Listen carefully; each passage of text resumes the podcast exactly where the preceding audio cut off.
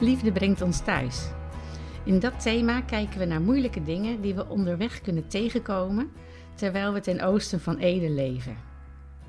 En het grootste struikelblok in de gevallen menselijke natuur is dat ieder van ons de neiging heeft om onafhankelijk en zonder God te leven.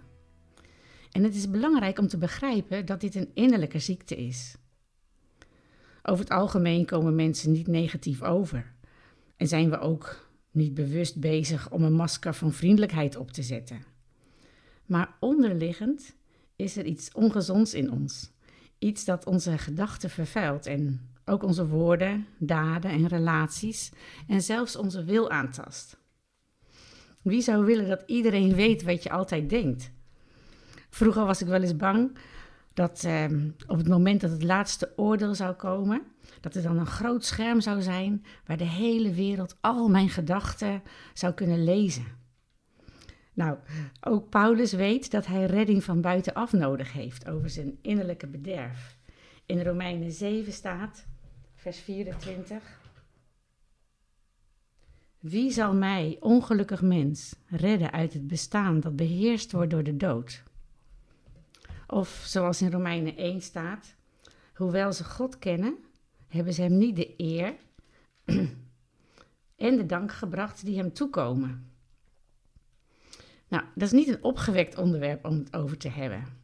Ik weet niet hoe het voor jou is, maar ik merk dat het een soort twee kanten heeft. Aan de ene kant ehm, is er iets wat mijn ongezonde kant wil ontkennen.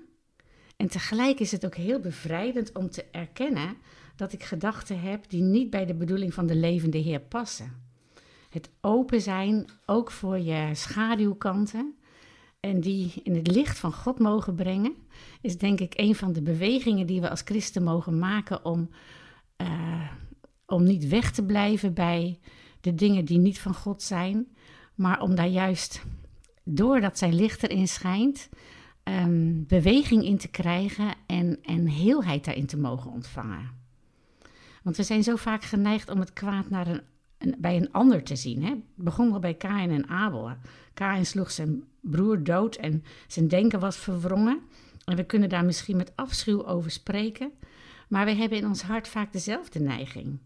Je zal niet iemand neersteken met een jachtmes of zo, maar hoe vaak heb je niet in gedachten iemand neergestoken? Of met woorden, of met een blik. En dan is het heel goed om je bewust te zijn dat je niet alleen maar een een perfect mens bent, maar dat we echt Gods genade nodig hebben. En vader, er is iets in mij dat niet wil erkennen dat er bederf is in mijn natuur, in mijn denken, in mijn voelen en in mijn handelen. En Heer, help mij om mijn neiging tot onafhankelijkheid te erkennen en te beleiden. Want pas dan kan ik heel worden. En kunt u mij vrijmaken en een nieuw leven geven. En geef me dat ook vandaag, zodat ik uw licht mag verspreiden. In Jezus' naam. Amen.